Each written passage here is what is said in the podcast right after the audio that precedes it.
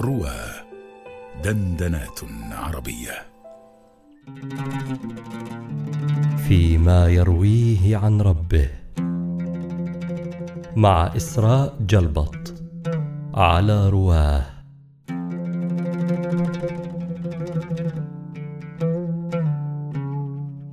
عن أبي هريرة رضي الله عنه عن النبي صلى الله عليه وسلم قال خلق الله الخلق فلما فرغ منه قامت الرحم فقالت هذا مقام العائذ بك من القطيعة. قال نعم أما ترضين أن أصل من وصلك وأقطع من قطعك؟ قالت بلى. قال فذلك لك.